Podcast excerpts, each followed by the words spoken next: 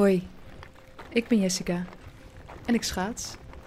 Maar de tocht, die ene tocht, die zal ik waarschijnlijk nooit rijden. Dus ik ga de verhalen ophalen van de mensen die hem wel hebben geschaatst. En in deze Elfsteden-podcast neem ik jullie mee op mijn reis.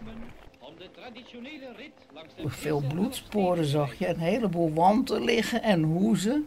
En nou ja, hoe, net zo'n knul met zijn blote rug. En dan eh, een man die daar met zijn kapotte schaatsen loopt, hè, op zoek naar, naar hulp. En, Dat klinkt wel als een slagveld. ja, het was een slagveld. Het was absoluut een slagveld. In die witte sneeuw zag je zoveel bloed. Slechte nacht gehad. Heel vroeg opgestaan. Je gaat van het hotel naar de kooi. Een hele belevenis in die kooi. Al die witte bekkies.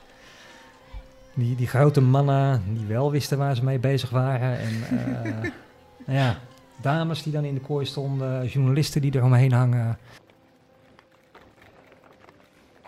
Ik ben uiteindelijk drie keer gevallen. Die derde keer, ja, toen hoorde ik ze in het donker van me afschaatsen. Het geluid verstomt en dan ben je alleen.